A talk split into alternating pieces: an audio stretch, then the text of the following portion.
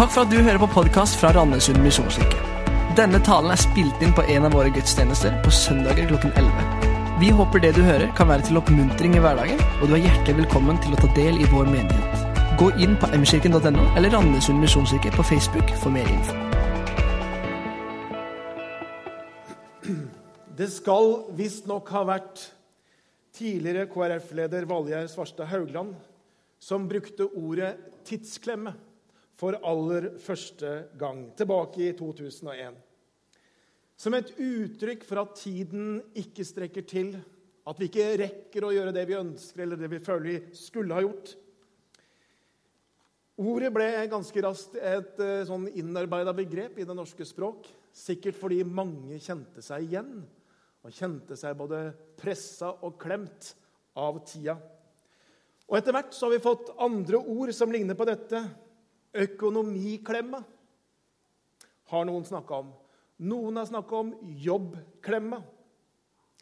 Og noen har kalt det for livsklemma.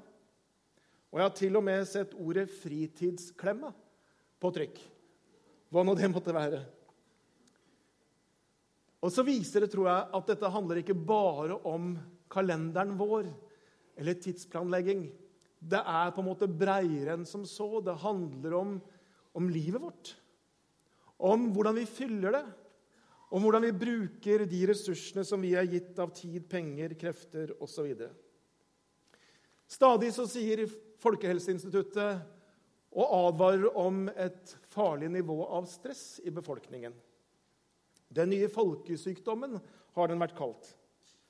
Og I det siste så har vi også sett og vært gjort oppmerksom på at det er en økende stress blant barn og unge. Ikke minst unge jenter som opplever seg et krysspress av ulike typer forventninger. Men også små barn kan fortelle om det. En undersøkelse som jeg så, så var det 60% av barnehagebarn som hadde svart at de opplevde mamma og pappa at de hadde dårlig tid. 60% Veldig mange opplever livet som veldig travelt. Det er som man løper fra det ene til det andre.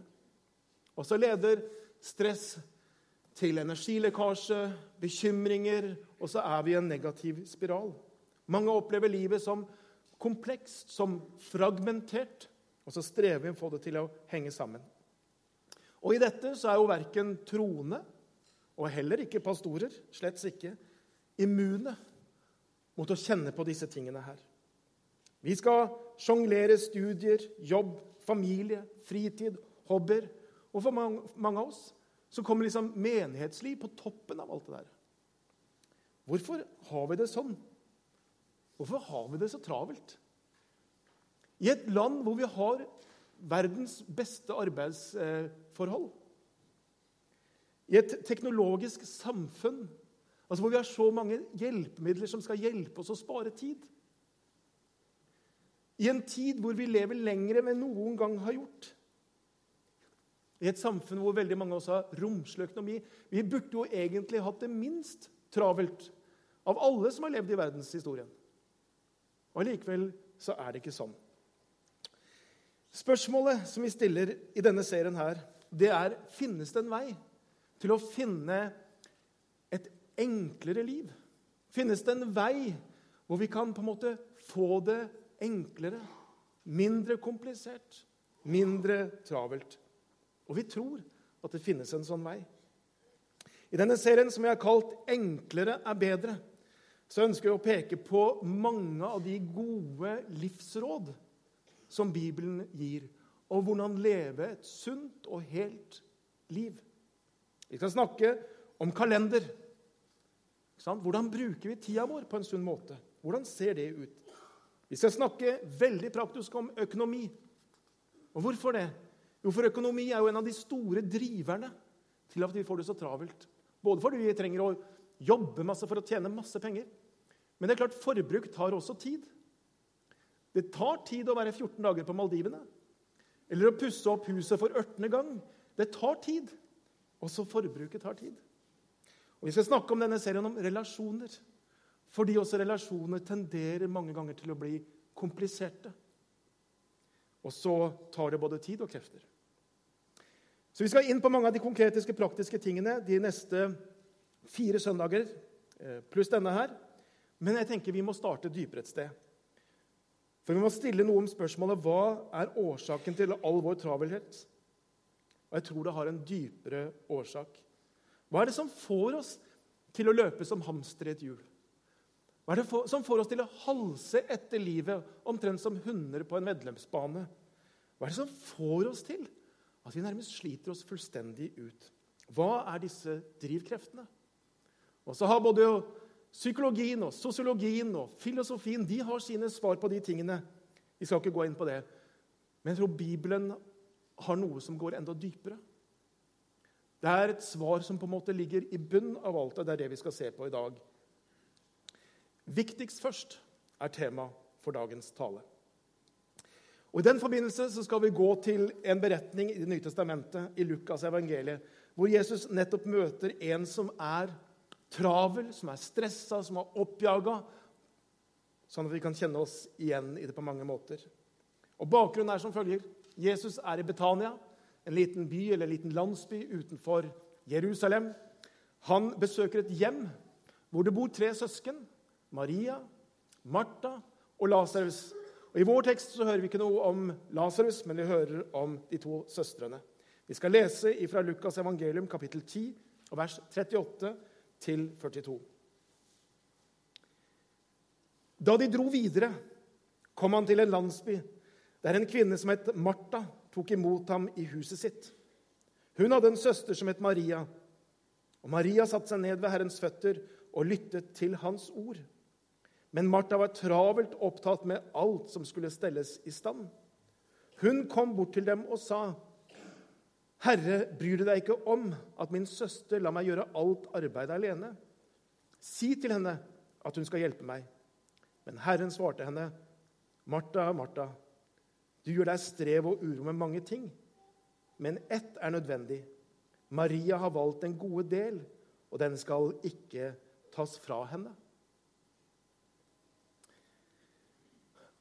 Og Det er jo ikke så vanskelig å se for seg det som skjer her, eller det som har skjedd. Martha kjenner på ansvaret. Huset skal ordnes til til overnatting. Det skal lages mat til en hel bataljon sultne menn. Og Martha står det, er travelt opptatt med alt som skulle stelles i stand.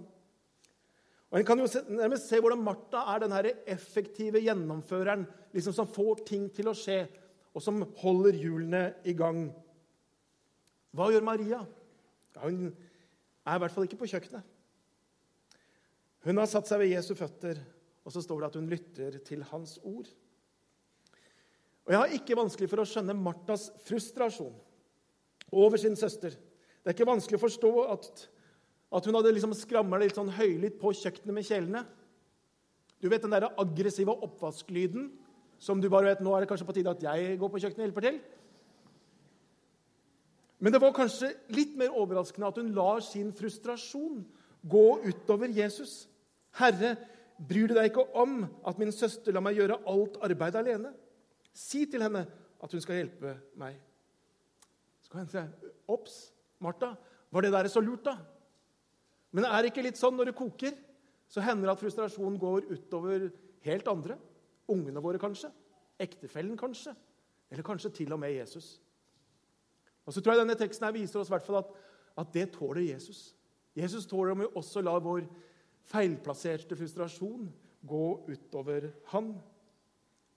Men det som er viktig i denne teksten, det er jo Jesus' svar til Martha.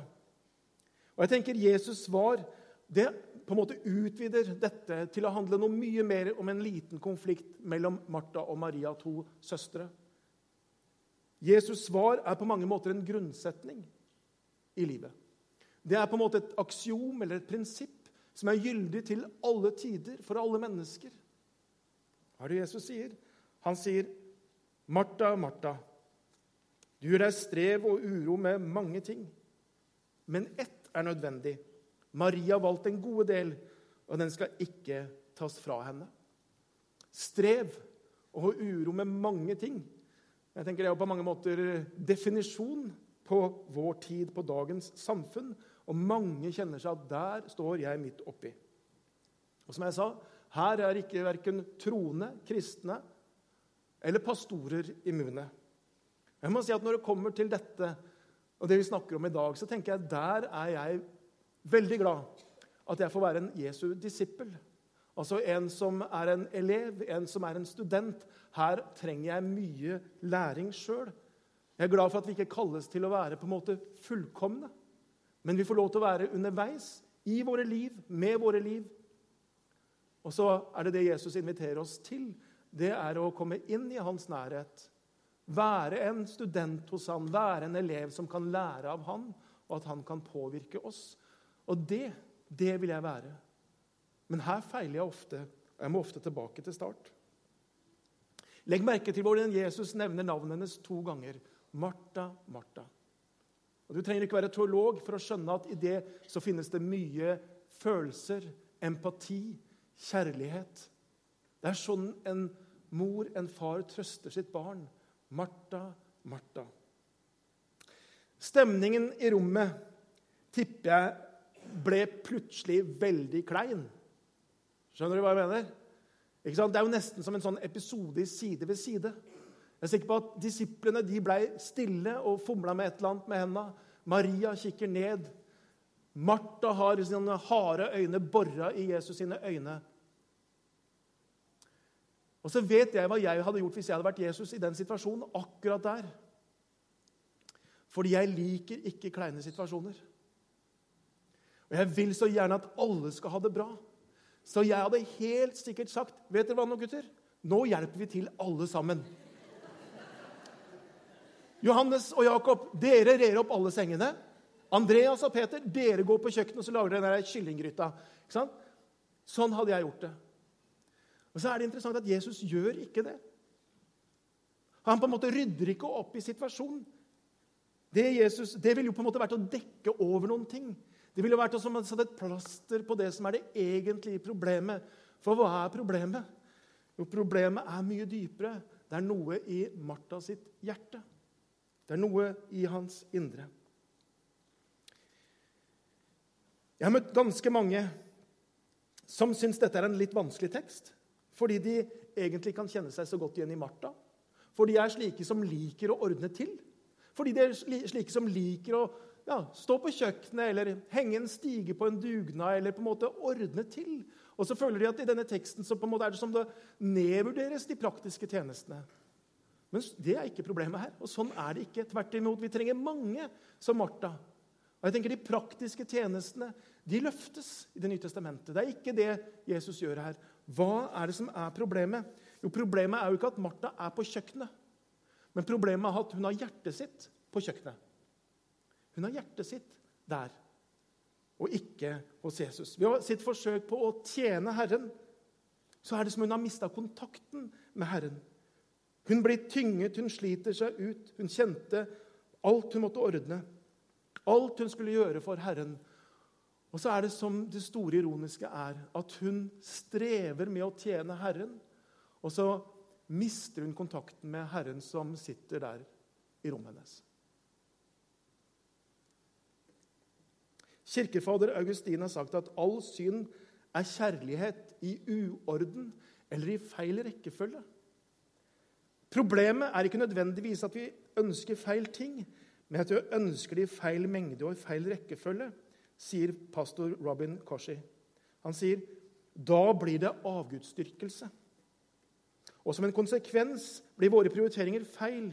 Vi kan ende opp med å elske våre fritidssysler mer enn jobben. Arbeide mer enn familien. Og familie og ektefelle høyere enn Gud. Og da blir det avgudsdyrkelse. Et eller annet sted der på veien så hadde disse tingene bytta plass i Martha sitt hjerte, i hennes indre. Og så ble faktisk tjenesten viktigere enn Gud. Hvorfor blir det sånn? Hvilke drivkrefter er det som driver Martha her, og som driver oss noen ganger til å gjøre nøyaktig det samme? Mange årsaker. Livssituasjon og samfunn og alt mulig. Men jeg tenker det finnes noen indre drivkrefter i oss. Og jeg må si at jeg kjenner meg en del igjen i det som Eugene Peterson, en kjent amerikansk forfatter og pastor, sier. Han sier Jeg er travel fordi jeg er forfengelig. Jeg vil at folk skal oppfatte meg som viktig, at jeg betyr noe. Og så fortsetter han. Jeg bor i et samfunn der overfylte tidsplaner og travle liv er bevis på at vi betyr noe. Jeg ønsker å være viktig, så jeg fyller min kalender, og jeg gjør mitt liv travelt. Når andre merker, erkjenner de betydningen min, og min forgjengelighet mates. Jo travlere jeg er, jo viktigere framstår jeg. Som sagt, travelheten i våre liv har mange forklaringer.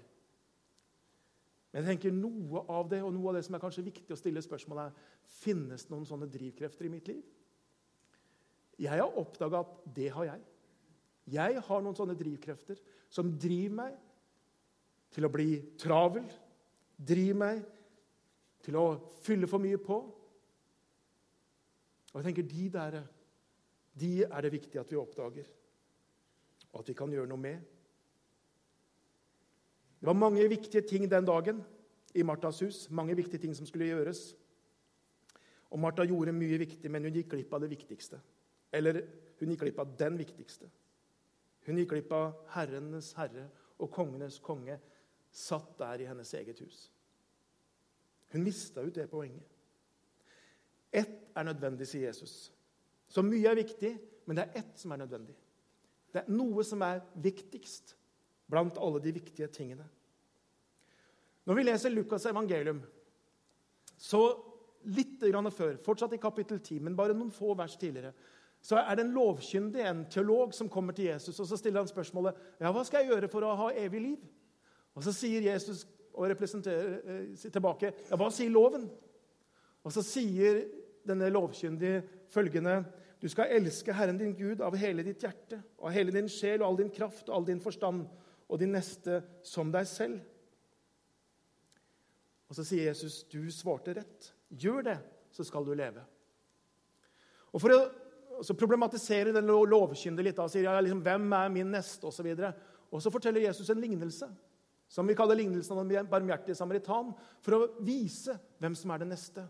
Så på en måte Lignelsen om den barmhjertige samaritan er et eksempel på det siste leddet i det Jesus sier om å elske sin neste. Og Så kan vi jo spørre finnes det noe eksempel på det første. da?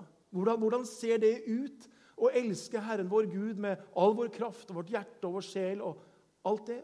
Finnes det noe eksempel på det?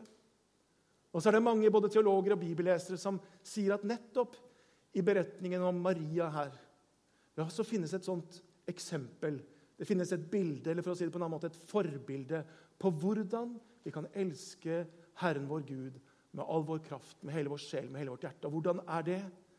Jo, ved å sette seg ved Jesu føtter og ta imot Hans ord. Det bildet tegnes av hva det vil si å elske Gud. Ikke aktiviteter, men å sette seg ned og bli betjent av Han. Hun som før hun gjorde noe annet, så setter hun seg ned ved Jesu føtter. Hun som før alt annet så går hun inn i Jesu nærhet.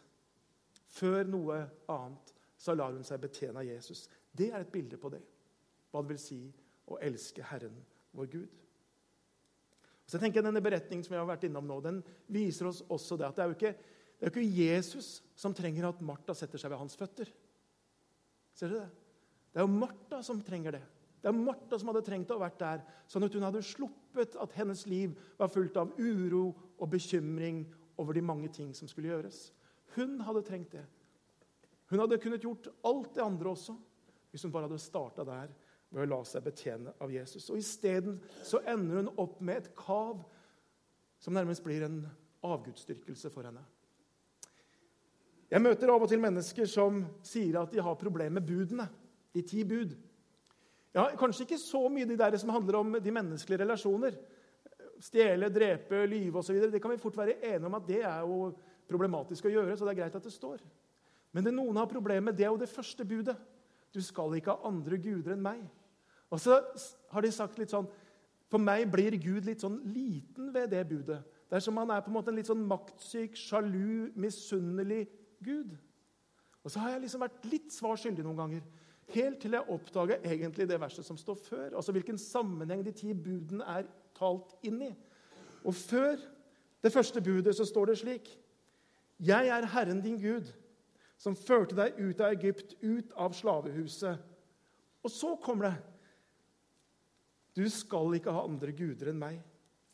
Det er som om jeg, Gud sier her Jeg førte deg ut av slavehuset. Jeg vil føre deg ut av tidsklemma.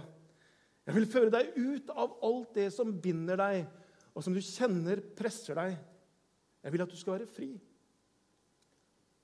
Ha derfor ingen andre guder enn meg. Ett perspektiv på dette første budet det handler om nettopp det. At jeg trenger at Gud er nummer én i mitt liv. Jeg trenger det. Gud er Gud uansett. Han er Gud om alle mann er døde. Han er Gud om alle land er øde. Gud er Gud uansett. Men jeg trenger for mitt liv at jeg plasserer Gud på førsteplassen i mitt liv. For plasserer jeg noe annet der, så vil jeg, det stå i fare for å ødelegge meg og mine relasjoner. Til og med de gode tingene i livet. Jobb, karriere, familie, ektefelle, ja, til og med barna. Hvis vi lar det få den plassen som Gud skal ha, hvis det er det jeg lever for, hvis det er det jeg dyrker, hvis det er de jeg tilber, ja, så blir det bindinger og usunne relasjoner over hele linja. Og Derfor så sier Gud, 'Du skal ikke ha andre guder enn meg'. Om det er karriere som er nummer én i vårt liv, så vil det ødelegge relasjoner rundt oss. Og Det er faktisk også sånn om det gjelder de vi er glad i. Det er fantastisk å være forelska. Men gjør du din kjæreste eller din ektefelle til, ektefelle, til, eh, en gud i ditt liv, ja, da vil du ende opp med et kvelende forhold, og det er duka for katastrofe. Det er bare Gud som kan og som skal ha den plassen i vårt liv, som vi skal leve for, dyrke og tilbe, og ingenting annet. Og så er det ikke Gud som først og fremst trenger det, men det er jeg. Når vi driver med multiplikasjon, så heter det at faktorenes orden er likegyldig. Sånn er det sjelden i livet. Og i hvert fall ikke det vi snakker om nå. Jeg vet ikke om du har forsøkt å montere et Ikea-skap litt på egen hånd uten bruksanvisningen. Og så er det nesten ferdig, og så oppdager du at jeg skulle jo starte et helt annet sted. Faktorenes orden er ikke likegyldig. Midt i det Jesus, eller i den talen som, som Jesus holder, som vi kaller bergprekenen, eh, så sier Jesus følgende.: Søk først Guds rike og hans rettferdighet, så skal dere få alt det andre i tillegg. Det er noe som vi skal søke først. Det er noe vi skal sette før alt annet. Det er noe som er viktigere, noe som skal ha forrang. Og hva er dette? Jo, det er Guds rike, det er Gud. Det er det som må ha forrang i vårt liv. Og så sier Jesus dette budet som kan oppleves litt sånn litt tøft. Altså, Søk først Guds rike, og vi kan kjenne Oi, gjør jeg det? Men det som er så interessant er at når Jesus sier dette budet, på en måte i den konteksten det er, så er det etter å ha snakka i mange vers om at vi ikke trenger å bekymre oss. At Gud har omsorg for oss. At vi ikke trenger å bekymre oss for det ene og for det andre og for mat og for drikke osv. Det er en tekst som handler om Guds omsorg for oss. Og så kommer dette verset. Søk først Guds rike og hans rettferdighet. Søk først Guds rike og hans rettferdighet. Så skal dere få alt dette alt dette dere er bekymra for, i tillegg. Og Så kommer verset etterpå, som jeg syns er veldig herlig. Det står så gjør dere ingen bekymring for morgendagen. Morgendagen skal bekymre seg for seg selv. Hver dag har nok med sin egen plage. Ja, Det er et flott vers. Sliter du med bekymring, så kan du lese dette avsnittet her. Men legg merke til at dette budet om å sette Herren først, det er i denne konteksten. Hva er motgift mot bekymring? Å sette Gud først. Motgift for stress og sette Gud først. Motgift for den travelheten som ødelegger oss. Sette Gud først. Og så er løftet der. Og så skal dere faktisk få alle de andre tingene i tillegg. står det. Hva i all dag betyr det? Ja, Det betyr ikke nødvendigvis at setter du Gud først, så står den der Teslaen du ønsker deg, i garasjen. Det er ikke nødvendigvis slik at setter du Gud først, så, på en måte, så, så løser alle disse tingene som du liksom hadde håpa. Men det som er at setter du Gud først, så fyller han opp det tomrommet inni deg som du prøver å fylle med penger, med materielle ting, med opplevelser, med status. Gud fyller det, så det blir annerledes. Søker jeg Gud først, så blir jeg fri fra disse usunne drivkreftene som pusher meg og pusher meg og pusher meg. Når Gud får komme i den rette posisjonen i våre liv, så kommer alt annet i den rette orden og rette perspektivet.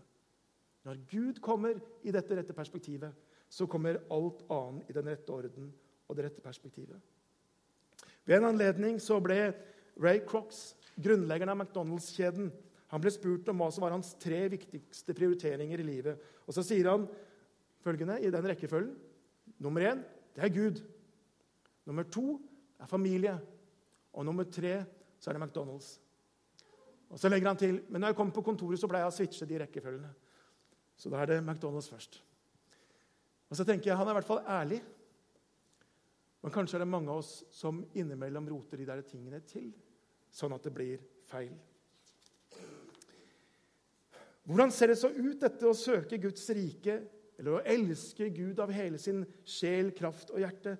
Hvordan ser det der ut? Hvordan finner vi på en måte det livet? Og så tror jeg Det ser forskjellig ut fordi vi er forskjellige mennesker. Og Det er vanskelig å se liksom på yttersiden.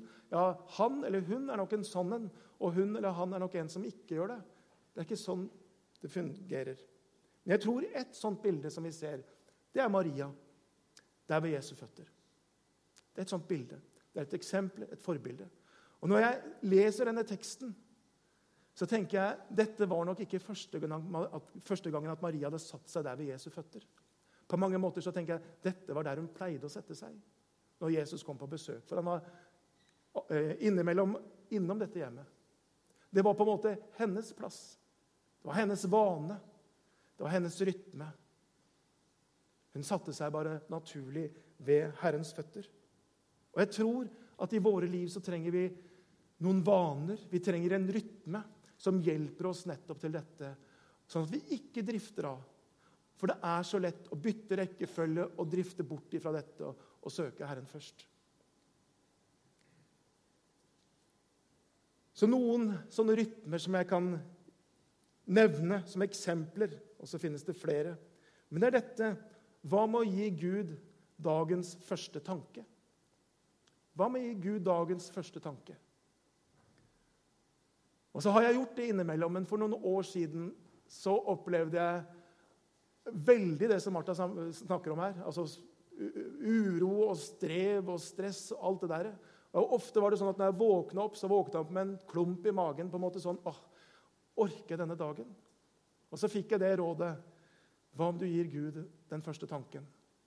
Om du takker Gud det første du gjør, før du går ut av senga? Og så ble det en praksis hos meg. Og så er ikke det mye. Men jeg sier, Gud, takk for denne dagen. Takk for at din nåde er ny hver morgen. Takk for at du gir meg mulighetene som ligger foran meg denne dagen her. Og så har det gjort en enorm forskjell. Men vi starter der og gir Gud dagens første tanke. En annen sånn praksis det er å gi Gud ukens første dag søndagen.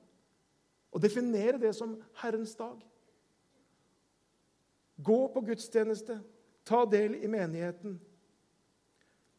Martha hun gikk glipp av at Herrenes herre, kongenes konge, satt der midt i stua. Men det er faktisk sånn at når vi kommer sammen her til gudstjeneste, så er faktisk Jesus midt iblant oss. Han er midt iblant oss. Og så gjelder det å ikke miste på en måte perspektivet av det, eller på en måte miste synet av det. Han er her når menigheten kommer sammen. Bestem deg for å gjøre ukens første dag til Herrens dag sammen med hans menighet. Prioriter gudstjenesten. Stian Kilde Aarebrot eh, har jeg sitert før, men jeg skal gjøre det igjen. for jeg synes det er et veldig godt sitat. Han sier følgende.: Vanndråpen huler ikke ut steinen ved makt, men ved at den faller med jevn, jevnt og trutt, sier ordtaket. Så slutt å lete etter ukas potensielt beste preken eller sterkest lovsang. Slutt å stå over hver gang du ikke føler for det, for du blir aldri noe enn det du gjør jevnlig, sier han om å ha en regelmessig gudstjenestegang. Du blir aldri noe enn det du gjør jevnlig. En tredje slik rytme som jeg har lyst til å nevne, det handler om å gi Gud de første 10 av lønna di. Og hvorfor er det viktig? Ja, Det er ikke først og fremst viktig i denne sammenhengen fordi at menigheten trenger penger. Det er heller ikke sånn at det er Gud som trenger de pengene. Det gjør han absolutt ikke. Men hvorfor er det viktig? Jo, det er viktig for deg. Det er nemlig et åndelig prinsipp i det. Og det er at noe av driverne, det er penger og det er materialisme.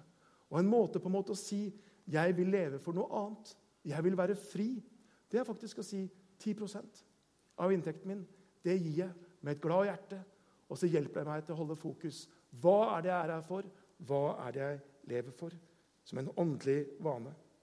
En fjerde ting jeg har lyst til å peke på, det er dette å bli med i et mindre fellesskap. En bibelgruppe, en bønnegruppe. Vi kaller det nærfellesskap her hos oss. Vær med i det, sånn at dere kan være sammen, noen, og hjelpe hverandre til å holde dette fokuset. Hjelpe hverandre og ikke drifte av. For det er et sånt anker i en travel hverdag. Du vet du skal være med der. Du skal være sammen med de. Der skal vi be sammen. Der skal vi ha det fint sammen, snakke sammen. Der skal vi dele Guds ord sammen. Vi ønsker i vår menighet at alle i vår menighet skal være med et lite fellesskap. Fordi vi ser at vi trenger det. Vi trenger det nettopp av denne grunnen her, for å holde fokus. Så hvis du ikke er med i et lite fellesskap, så har jeg lyst til å oppmuntre deg til det. I dag så står det noen som har ansvar for de småfellesskapene hos oss, ute i gangen, ute i foajeen. Og de har lyst til å snakke med deg dersom du har spørsmål eller noe du lurer på som gjelder dette med nærfellesskap, smågrupper. Hvis du har lyst til å melde deg på og gi, tilkjenne din interesse, så er det noen der ute du kan snakke med. Det har jeg lyst til å oppfordre deg til. Så kunne vi fortsatt på gitt eksempler på slike vaner. Jeg skal ikke gjøre det. Eh, tiden har eh, gått.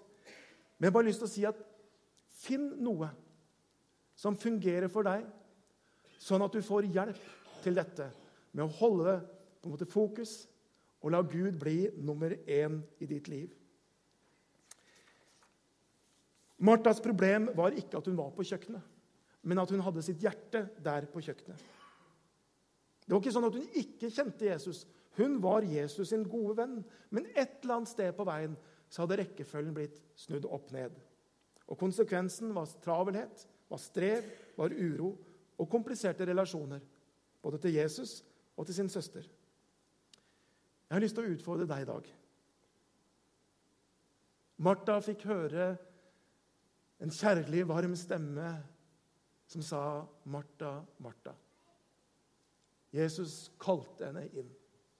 Og Så kan det jo hende at når du har hørt teksten her, og har, Guds ånd har virka på deg, så kanskje du har kjent noe av Guds kall i ditt liv. Kanskje har du hørt han nevnt ditt navn med kjærlighet og omsorg. Kanskje kaller Gud deg tilbake Kanskje har du kjent at et eller annet sted så ble ting snudd opp ned. Et eller annet sted langs veien så drifta jeg av gårde. Og så kaller Gud deg tilbake. Slik han kalte Martha tilbake, med ordene 'Martha, Martha'. Kanskje har du aldri noen gang sagt ditt ja til Jesus.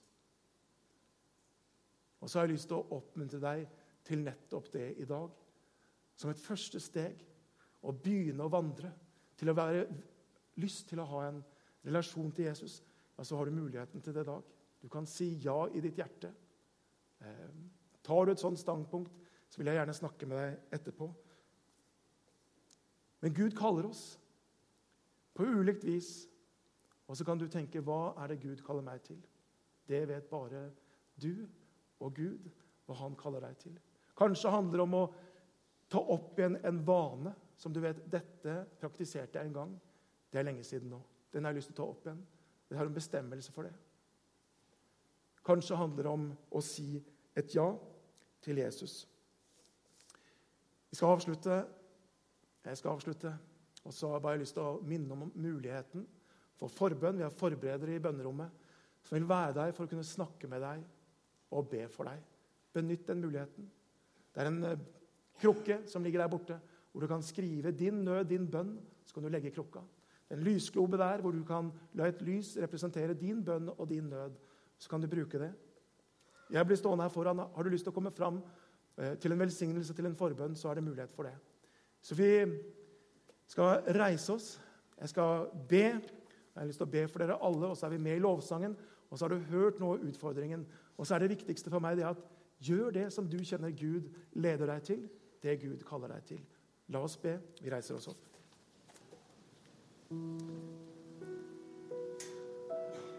Kjære Jesus. Takk for at du er her. Takk for at du er her nå med oss denne formiddagen. Og takk for at du, du elsker den enkelte av oss, Herre. Uansett hvor nær eller langt unna vi kjenner sjøl at vi står der, så elsker du oss, Herre. Og så har jeg bare lyst til å be om at din ånd må virke. At din ånd må virke i mitt liv. Du ser, her er jeg underveis.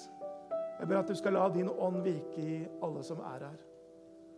Og At vi kan få lov til å ta et steg eller ta en bestemmelse eller søke hjelp, Jesus. Jeg ber at du skal lede oss i det de neste minuttene her nå. I ditt navn jeg ber. Amen.